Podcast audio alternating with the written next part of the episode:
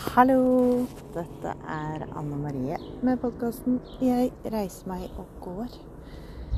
Har vært uh, ute på reise og hadde lyst til å dele noen inntrykk fra det å føle at man er i uh, synk.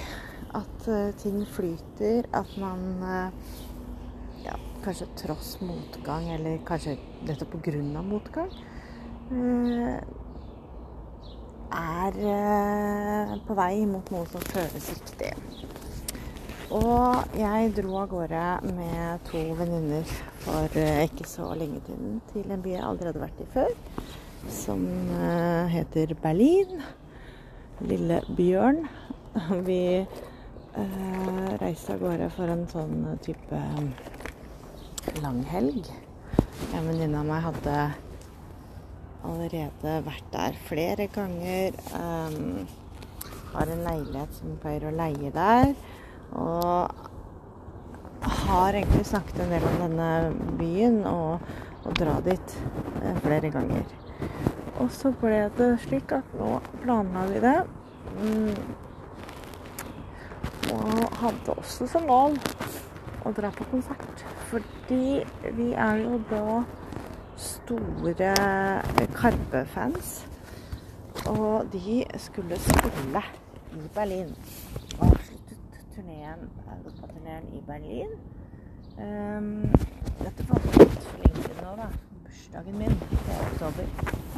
Og så handler det om å booke billetter, planlegge, gjøre seg klar for å dra. Og få alt sånn praktisk gjort.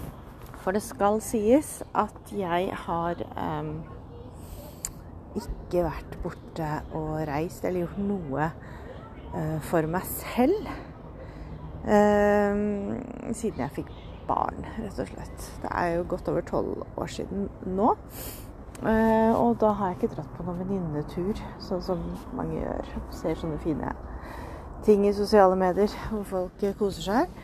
Og så har jo jeg på alle mulige måter vært mest opptatt av å bearbeide mm, det vi kan si er ettervirkninger av eh, volden. Etter å ha vært i et voldelig forhold. Komme seg ut av det. Eh, slitt på mange vis. Eh, både med meg selv, ettervirkninger, traumer og barnas ettervirkninger. Og i tillegg da ettervirkninger av det igjen, som går på finansielle utfordringer, dårlig økonomi, eh, sykemeldinger, eh, følelsen av ikke mestre ting, etc., etc., etc. Livet, altså. Livet som svært mange som har vært utsatt for vold, eh, kjenner på etter de har kommet seg ut av det voldelige forholdet.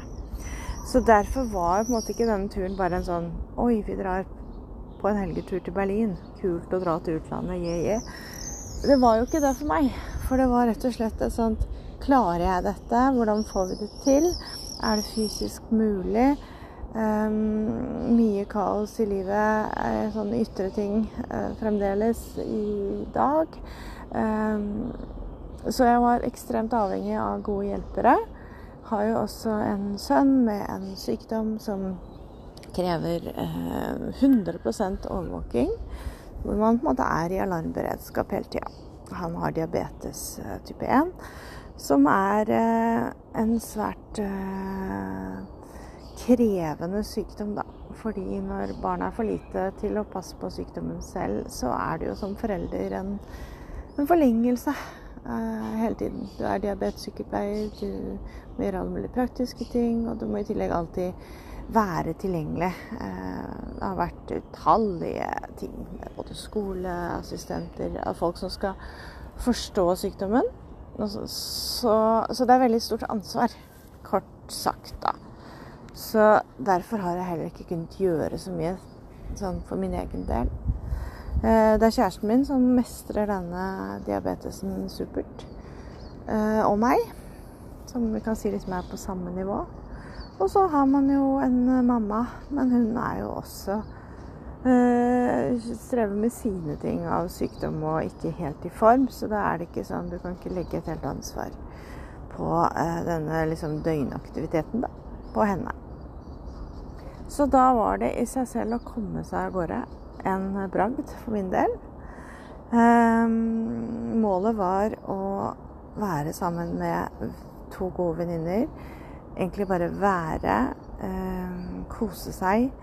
Og også bare følge en sånn uh, der veien tar oss. Jeg er jo ikke en person som uh, liker på en måte å planlegge. Sette meg ned og gjøre masse research og finne ut av hva jeg skal, og hvordan jeg skal, uh, hvor jeg skal gå, og sette opp sånn Den dagen skal jeg det og det og det. Jeg er jo en sånn uh, som beveger meg. En sånn flanør, som det heter. Det betyr at jeg må gå, uh, oppdage og føle meg fram. Og det har jeg alltid gjort når jeg er på nye steder. Har jeg vært på turer før da jeg var yngre med liksom en venninne som var sånn kartholderen, og jeg som er sånn Jeg bare snakker med folk. Jeg bare føler meg frem. Eller jeg bare går litt på lykke og fromme. Og så kommer jeg til noe som er ganske så unikt og føles riktig. Sånn har det alltid vært, så sånn ble det også nå. Og i tillegg nå så kunne jeg på en måte lene meg litt på da en venninna mi som har vært i byen mange ganger. Og vi visste at vi skulle til en leilighet hvor ja, vi visste at ting var på stell og greit, så det funka bra. Måtte lære oss litt sånn eh, metroen og Eller O-banen. Jeg kan ikke tysk, jeg er jo halvt fransk, så, men jeg skjønte jo mye. Det var fint. Og jeg ble veldig fort overraska over hvor, hvor, hyggelig det var. En sånn følelse av at det var en storby, men med en sånn liten byfølelse. Der folk hadde, var vennlige. Det var en nabolagsfølelse. Det var hyggelig. Og det var også selvfølgelig litt storby, men ikke noe sånn storbystress. For jeg har bodd i sånn Paris, studert der, og da blir man jo veldig fort eh, aggressiv og sinna. Det var det jeg merka da jeg kom hjem eh, til Norge etter å ha vært eh, i Paris noen år. Så blir man jo Det er litt on edge fordi det er så mye eh, intensitet, eh, aggresjon, folk som er stressa. Og det var det jeg likte ved Berlin. At det var motsatsen til det. Det var en sånn rolig vibber i en veldig vibrerende, stor, uh, pulserende kul. Uh, også sår og by full av historie, selvfølgelig. Masse åpne sår, kan du si. Kunne ikke gå noe sted uten at det var noen uh, Plutselig så, så du oss her har det vært en jødisk skole, her har så og så mange mennesker skjult seg. Her har noen hjulpet jødene under krigen. Her er så og så mange drept. Altså, det var slike eh, historiske elementer overalt som gjør at du føler at det er både alvor og eh, glede. Og når vi var på det jødiske eh, monumentet like ved Potsdamer Platz, og hvor det var Etter å ha sett litt av Berlinmuren, restene der, og så gått litt lenger bort, så kom vi jo til dette monumentet, som er en sånne store, monumentale blokker. Hvor du får en sånn labyrintfølelse, hvor du får en følelse at du er fanget. Eh, de er gigantiske. De er, ser ut som noen form for sånn kister. Eh, og de er stein, steinfirkanter, da. Blokker. Som står bortover et kjempe, kjempe, kjempestort område. Og her kan du gå, og det går sånn opp og ned, og du blir, føler deg på en måte lost. Og det fineste ved dette stedet var jo at det var fullt av barn der som lekte gjemsel, og som løp, og som eh, lekte og var frie. Hadde det liksom Var i lek, som barn gjør. Eh, så var det også en dame som hadde som en litt utakknemlig jobb å passe på at ikke barna løp, bråkte, og at ikke folk sto oppå disse blokkene. Det var lov å sitte på dem, men du kunne ikke stå på dem. Og det var ikke lov å løpe, men du kunne gå. Så den jobben å passe på de som løper og leker, og mennesker som går oppå noe som de ikke får lov til å gå på, veldig utakknemlig. Og veldig sånn følelse av rigiditet. Men så bare livet, barna, leken. Fantastisk. Nydelig. Og øh, følelsen at du er på et øh, sted hvor du på en måte skal vise respekt men samtidig så viser jo du respekt ved å leve videre og ved å anerkjenne grusomheter og samtidig la barna leke. Tenker jeg, da. Det er min tanke om det. Um, jeg syns bare det var helt fantastisk å være på reise, på tur. Også fordi jeg fikk eh, tid til å gå rundt aleine, ta bilder. Eh, bare følge mine sånn spor. Jeg har jo da to venninner. De er mye mer sånn som eh, beveger seg til et sted og skal se, og så går de kanskje litt fort videre. Mens jeg blir jo fort eh, bare dratt mot noe. Så de følte vel at jeg vidra litt rundt etter dem. Hadde noen høydere hvor jeg endte opp med å synge um, 'Dancing Queen' av ABBA foran Brandenburger Tor med to um, litt sånn rufsete uh, gatesangere. Det var det en som sto og sang. Han sang veldig fint. Og så var det kompisen hans. Han var, han var tydelig drevet av et eller annet inni seg. Han var nok på et eller annet form for ja, noe sånn oppesen stoff. Eh, eller noe annet som drev han, det vet jeg ikke. Men han var veldig opptatt av at vi skulle synge sammen. Så tenkte jeg ja, ja, hvorfor ikke? Det gjør vi. Så det har jeg fått med meg. Venninna mi som filma at jeg sto og sang 'Dancing Queen' sammen med to karer i Berlin. Eh, og så brukte mye tid på egentlig bare gå dit hvor uh, veien fører meg. Som føles veldig fint. Um, opplevde også å være inne på et stillerom. Var et veldig fint sted like ved Brandenburger hvor du kan sette deg ned og meditere i ro. Um, og jeg var innom mange uh, kirker som bare dukket opp. Fint å sette seg ned, og meditere litt. Uh, og jeg var i parker, satte meg ned og skrev litt. Og rett og slett uh, trakk pusten og mediterte. Og i tillegg så vandret jeg rundt. På ett punkt så møtte vi en var på et marked, et veldig stort marked, som heter Mauer-marked. Eller Murmarked. Uh, og der var det jo nesten sånn festivalstemning av regnet. Veldig, veldig sånn chill, koselig.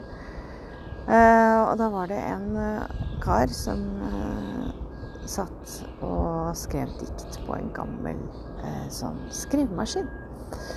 Og skrev at 'Give me three words and I will give you a poem'. Så det gjorde jeg jo, og jeg ble jo veldig syntes det var flott. Jeg vet ikke om du har sett filmen um, 'Before Sunrise' med Ethan Hawke og Julie Delpy, som er sånn tre av Richard Link Linklater. Linklater. Eh, tre filmer som følger hverandre, da. Med som følger historien til eh, to mennesker som møter hverandre.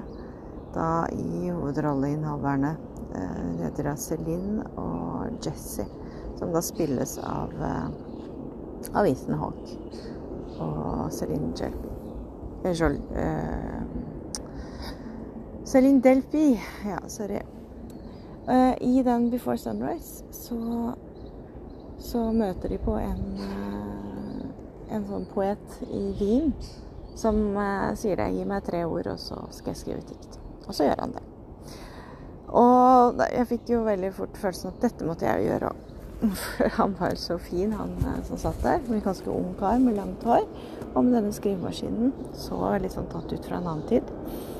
Så han skrev et dikt til meg som på alle mulige måter var passet med, med bare der og da alt. Og som ga meg en sånn fin ro. Og det som var fint, var at etter uh, vi møtte han der, så dro jo jeg uh, rundt aleine en dag og rusla. Jeg hadde sagt ha det til av vennene mine, og så, og så følte jeg litt bare for å gå én vei, kanskje en annen, og så gikk jeg. Og så plutselig så var jeg midt i et sånt svært marked, en tyrkisk marked i Kreuzberg. Eh, og det var jo absolutt ikke planlagt. Og der sitter han igjen, da. Denne mannen med, med skrivemaskinen. Med det lange håret og skriver dikt. Og jeg sier hei igjen, og så er du igjen. Han bare ja, så hyggelig. Og jeg gir han tre nye ord, og han skriver et nytt dikt til meg. Og han heter Dan Sigurd. Og gjør dette her. Han hadde gitt ut en bok, og han reiser rundt, og han skriver dikt. Sitter på gata og er med i forskjellige litteraturfestivaler rundt omkring. Og, og er en skikkelig eh, poet og, og fin kar. Så det var en veldig fin opplevelse. Um, og nå, etter at jeg på en måte har Føler at jeg er i en form for sånn prosess hvor det er så mye som skjer i livet, så tenker jeg at ingenting bare er, eh, er tilfeldig. Så det grunnen til at jeg på en måte skulle møte på han ikke én gang, men to ganger i Berlin, den var nok, eh, var nok der. Eh, det var poesien, det var um, de tingene som ble sagt i disse to diktene som jeg tar med meg videre som gode tegn på ting. Som eh, føles bra på litt der hvor jeg er nå. Og så vil jeg også dele med dere den fine opplevelsen da vi kom til Berlin. Eh, litt kaos, mye styr for å komme seg inn til byen. Uh, og store kofferter og litt sånn eh, Måtte gå av og ja, dro. Det mye styr. Men så kom vi oss da til første på en måte eh, ta toget, og så skulle vi da skifte til eh, U-banen, til, eh, til, metroen. da. Og da skulle venninna meg kjøpe noe. Hun bare 'Vi er litt tørste, vi må kjøpe noe eh, vann'. Tre sånne små flasker med vann. Tidlig på morgenen. Kommer med en 50 euro eh, penge. Ikke så populært, det, i hvert fall ikke hvis du er i Paris eller andre steder. Kommer sånn tidlig på morgenen. Tar all veksel for å kjøpe tre små flasker vann. Verdens eh, blideste mann da, inne i en sånn doner kebab-butikk. Eh, og med masse baklava. Jeg elsker disse søte kakene. Minner meg veldig om pappa. Det er jo sånn tyrkiske kaker som er veldig søte, veldig mye med honning. Veldig sånn små, men smaker supergodt, syns jeg, da. Så ser jeg jo de der, og mens venninna mi kjøper vann, sier jeg bare 'Å, hei', og så sier jeg 'Å, baklava'. Og det første denne mannen gjør, er å si sånn 'Vil du ha?' Eller han sier ikke det, han tar egentlig bare eh, frem en sånn en kakespade, og så sier han 'vær så god'. Og så gir han den til meg og til mine to venninner. Det er også sånne gode, gode tegn. For da fikk jeg 100% følelsen at dette er min kjære pappa som er her. Det var jo tegnet på både gjestfrihet, han hadde sånn stort smil, og han eh, var selvfølgelig baklava-mannen. For jeg og pappa vi hadde som noe sånn greie at vi spiste baklava, at vi spiste um, andre sånne søte tyrkiske kaker. Han var kjempeglad i det. Og både i Paris, da, når han var der og besøkte meg Han var jo fransk, pappaen min. Eh, og også, også, i Oslo så gikk vi og kjøpte um, kaker. Jeg husker Trondheimsveien. Og, og på Grønland kjøpte sånne gode bamiar, som jeg elsker også. Så en annen type sånn søt, søt kake. Da fikk dere mye sånn kakehistorie. Men det er jo sånn det blir. Så da ble det bamia baklava, som dere har lært om i dag. Hvis ikke dere har hørt om det, kan google det. Kjempegodt. Så da dro uh, Fikk jeg den uh, følelsen at jeg var pappa igjen. Føltes veldig fint. Så denne turen til Berlin gjorde på en måte alt av riktige ting. Med tanke på tegn og følelsen av at man blir guida på noe vis. Nå kommer det noen ungdommer som driver og kakler rundt der. Eh, og følelsen av at vi alltid har noen rundt oss som måtte mm, fortelle oss at vi er på rett vei, eller beskytter oss, eller gir oss en form for sånn retning. Så jeg vet ikke om dette er noe som resonnerer med deg i det hele tatt. Men jeg ville bare dele det.